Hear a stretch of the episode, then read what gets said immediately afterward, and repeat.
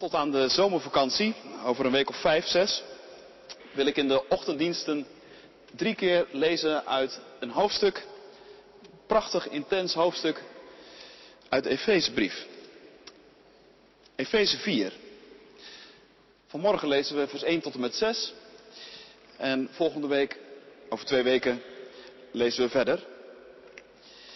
En Efeze 4 tot en met 6 is een hoofdstuk waarin het woordje één centraal staat. En daarom lezen we als eerste uit het Oude Testament, een fragment uit Deuteronomium 6. De oergeloofsbeleidenis van Israël zou je kunnen zeggen.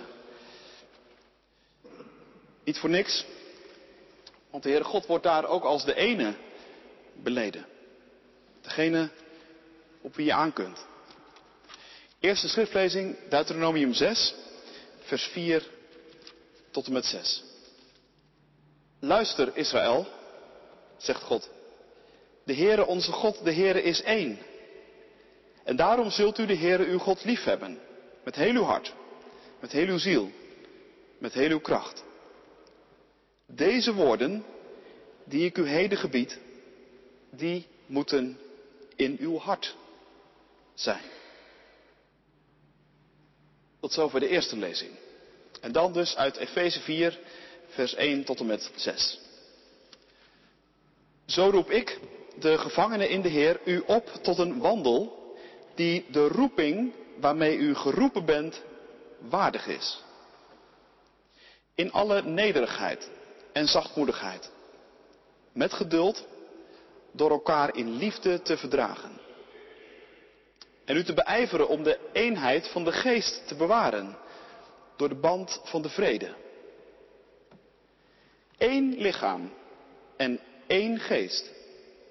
Zoals u ook geroepen bent tot één hoop van uw roeping. Eén Heer, één geloof, één doop. Eén God en Vader van allen, die boven allen, door allen en in u allen is. Tot zover de tweede lezing. Dit is het woord van God, gemeente. Voor jou, voor u, voor mij. Gelukkig zijn we als we het woord van God bewaren in ons hart, daaruit leven. Halleluja. Amen. Gemeente van Christus. Hij was een succesvolle tv-maker. Had een leuk gezin, een prima inkomen en een mooi huis. Maar toch, het knaagde van binnen. Hij begon langzamerhand steeds meer vast te lopen en op een goed moment knapte er echt iets.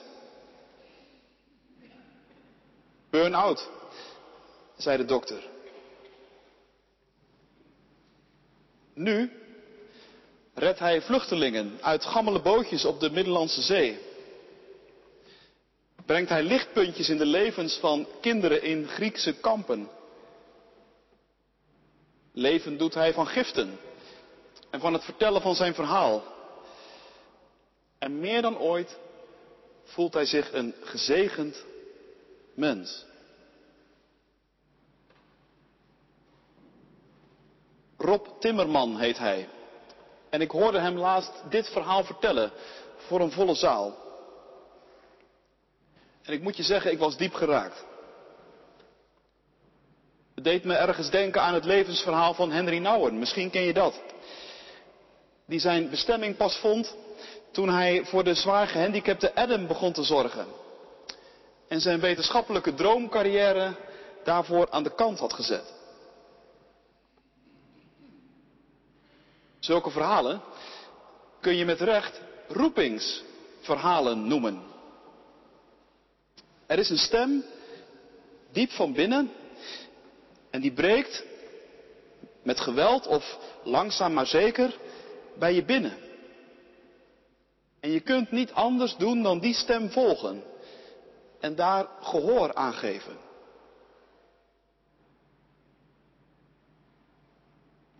Misschien dat je hier zit en dat je daar iets van herkent. Iets van zo'n stem. Die misschien geklonken heeft in het verleden. Of die op dit moment klinkt. En je worstelt ermee wat die stem je precies te zeggen heeft. Of eigenlijk, eigenlijk weet je het al. Maar moet je hart er nog in meekomen? En durf je je er nog niet zo aan over te geven?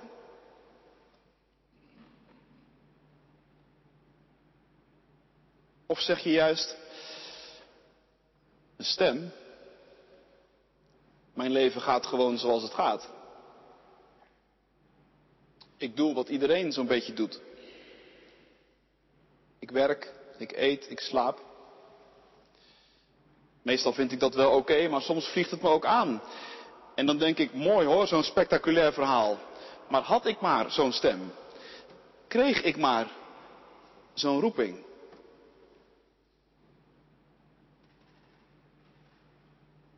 Nou, vergis je niet. Vanmorgen krijgen wij allemaal een roeping.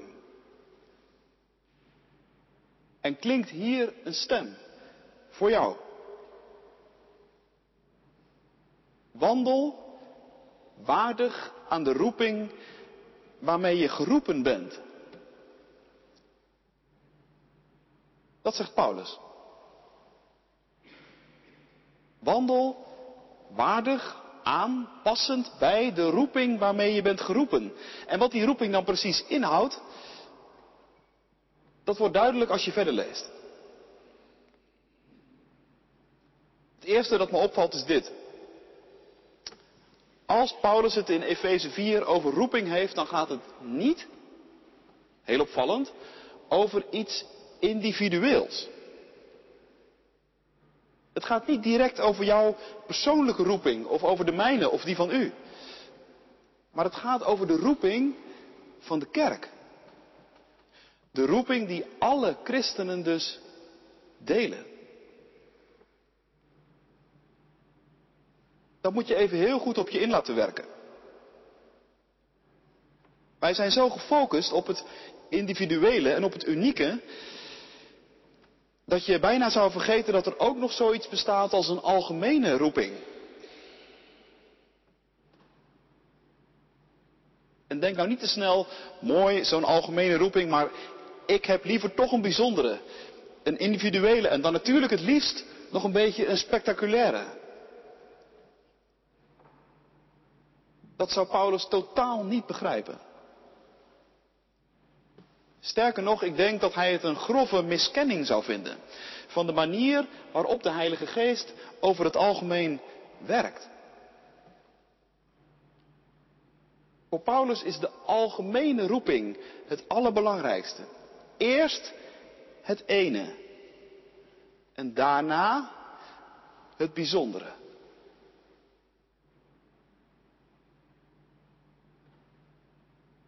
Dus als je hier nou zit en je vraagt je wel eens af wat je nou eigenlijk precies deelt met al die andere mensen die hier ook van tijd tot tijd zitten. En die nu misschien wel naast je zitten. En die je misschien niet eens persoonlijk kent. En voor sommigen van jullie is dat best een dringende vraag, dat weet ik. Dan heb je hier een heel belangrijk antwoord. Wat je deelt, dat is een roeping. Een gezamenlijke roeping. De roeping van de kerk, dat is Jezus erkennen als Heer en Koning. En je onverdeeld toewijden aan zijn koninkrijk. En in dit hoofdstuk spitst Paulus het nog ietsje toe. Op zo'n manier moet je dat doen, zegt hij, waardig. Op zo'n manier dat je de eenheid van de geest behoudt en de band van de vrede bewaart. Die twee dingen, daar wil ik nog even de vinger bij leggen. De eenheid van de geest behouden en de vrede bewaren. Dat is dus onze gezamenlijke roeping.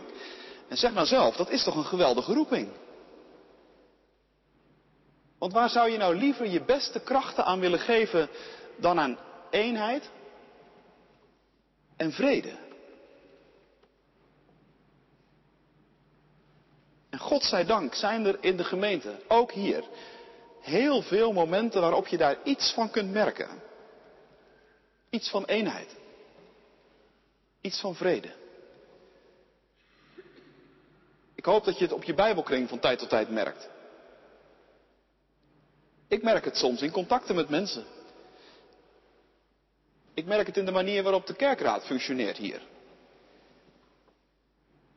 En waarom is het ook niet gewoon nu merkbaar? Zoals we hier vanmorgen zitten. Is hier geen eenheid? En geen vrede? Ja toch? Dit zijn toch momenten waarop je God voor je, op je blote knieën mag danken?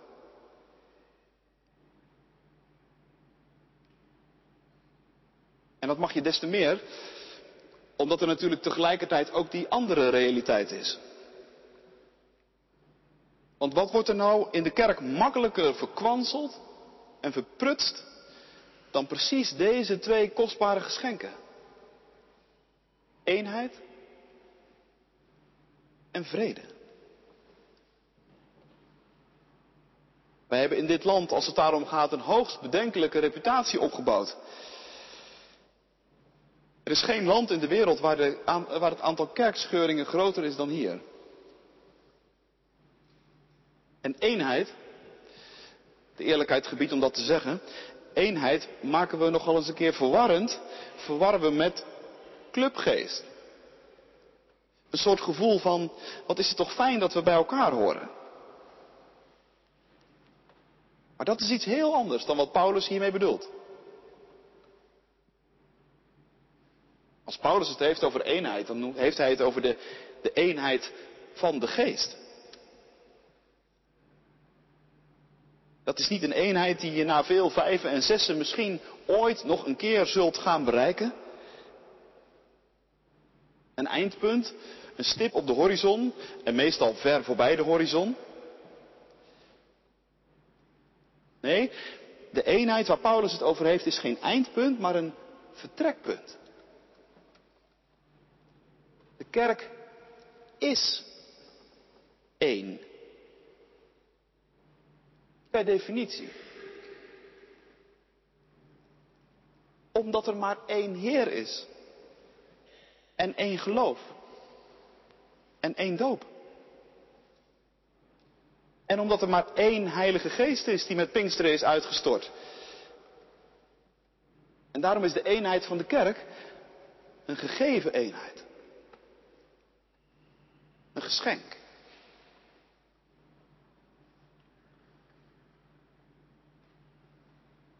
Ja, zeg je misschien, oké, maar hoe zit het dan met al die verschillen? Er zijn amper twee christenen die overal hetzelfde over denken. Er is verschil in stijl van worship.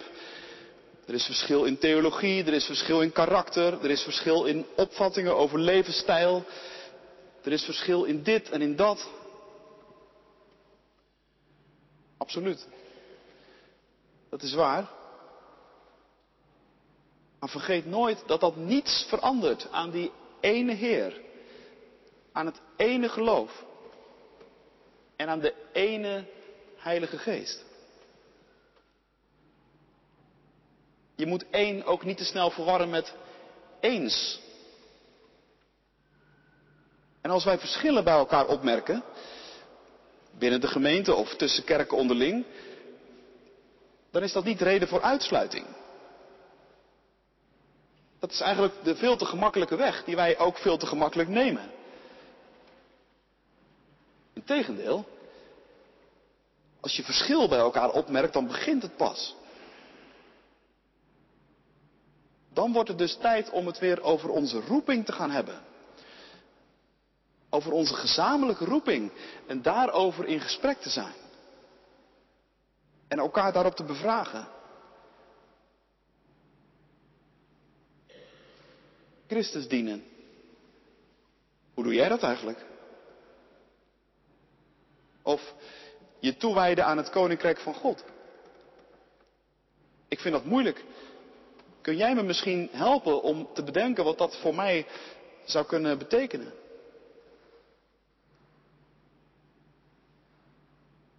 Dat is het geestelijk gesprek en het beraad dat er in de gemeente is. Het is er. En dat er misschien ook wel nog meer zou moeten zijn.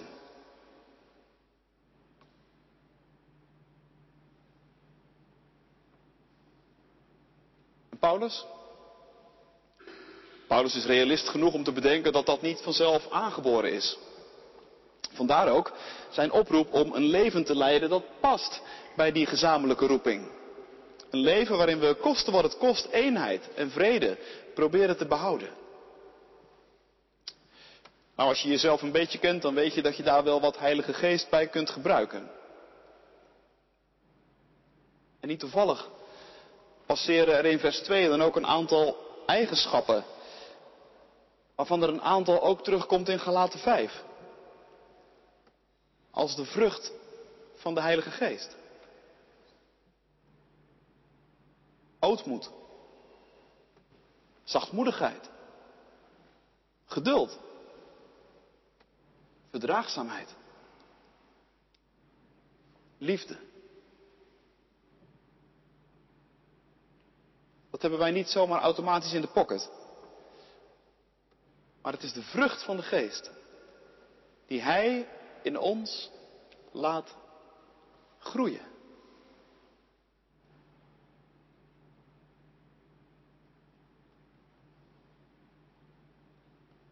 Tot slot. Je merkt, het woordje één is het meest voorkomende woord in dit korte fragment. Maar waarom is één nou zo fundamenteel? Nou, uiteindelijk omdat er maar één God is. Vroeger zeiden theologen tegen elkaar dat God eenvoudig is. Daarmee bedoelden ze niet dat hij simpel was, maar dat hij het tegenovergestelde was van meervoudig. God is eenvoudig. Hij heeft één doel en één roeping en één gezicht. Je kunt op hem aan. En daarin zijn het Oude en het Nieuwe Testament ook helemaal op één lijn. We hoorden het in dat korte fragment uit Deuteronomium 6. Hoor Israël, de Heer onze God, de Heer is één. Dat is de oerbeleidenis van Israël. Tegenover al die heidenen met hun talloze goden, die voortdurend ruzie hebben. En dan weer dit willen, en dan weer dat willen. Tegenover dat alles heeft Israël geleerd dat God één is. Een God met één wil. Één doel. Dat hemel en aarde vol zullen zijn van zijn heerlijkheid. En die ene God is aan ons verschenen in Jezus Christus. En zijn Heilige Geest woont onder ons. Prachtig, zoals het staat in vers 6. Dat God boven allen is, door allen, je kunt ook lezen met allen, en tegelijk in allen.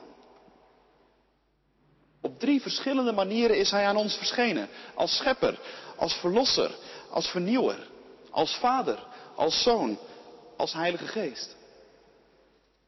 Maar het is de ene God.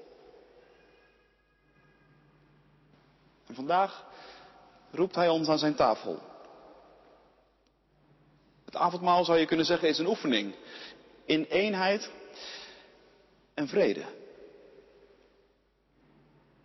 We vieren niet dat we het met elkaar eens zijn. Maar we vieren de eenheid van de Heilige Geest. En we vieren de liefde van Hem die zijn leven gaf voor onze zonden. Bedenk dat als je straks aan tafel zit. En je geeft degene die naast je zit een hand. En je wenst hem de vrede van Christus. Bedenk dan, ik zit naast iemand voor wie Christus het de moeite vond om zijn leven te geven. Ik zit naast iemand voor wie Christus het de moeite vond om zijn leven te geven. En we vieren de komst van de geest van Pinksteren die ons zo aan elkaar verbindt. Als broeders en zusters in het ene lichaam van Christus.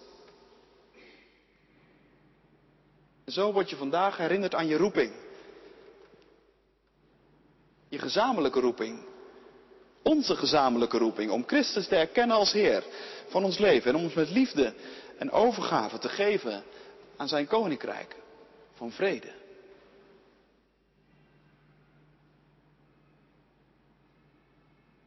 En of we daar iets van begrepen hebben,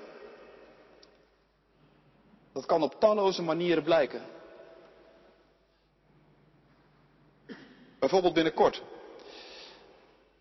Als we een gemeenteavond hebben over de vraag of misschien ook vrouwelijke predikanten hier op deze kansel zouden moeten kunnen staan. Dan wordt dit ineens heel spannend. En daarom hoop ik ook dat je erbij bent. En dat je meedoet aan dat geestelijk beraad. Ik hoop dat je zo'n vraagstuk, en welk vraagstuk dan ook trouwens, ziet als een kans van de Heilige Geest. Een oefening in ootmoed, in zachtmoedigheid, in geduld, in verdraagzaamheid, in liefde. Geen hoe krijg ik zo snel mogelijk voor elkaar dat mijn visie beleid wordt. Maar een gesprek over onze gezamenlijke roeping op deze specifieke plek en in deze specifieke tijd. Een inspanning om de eenheid van de geest te behouden en de band van de vrede te bewaren. Kan je vertellen, dat is een spectaculaire roeping. Wandelen waardig aan de roeping waarmee je bent geroepen. Dat is een opdracht die eerder te groot dan te klein voor ons is. Maar het is een roeping waarin we ons verzekerd kunnen zijn van de geest van Pinksteren die ons wil leiden. En vandaag nodigt hij je uit aan zijn tafel. Om te zien en te proeven dat hij goed is. Kom. Want alles is gereed. Amen.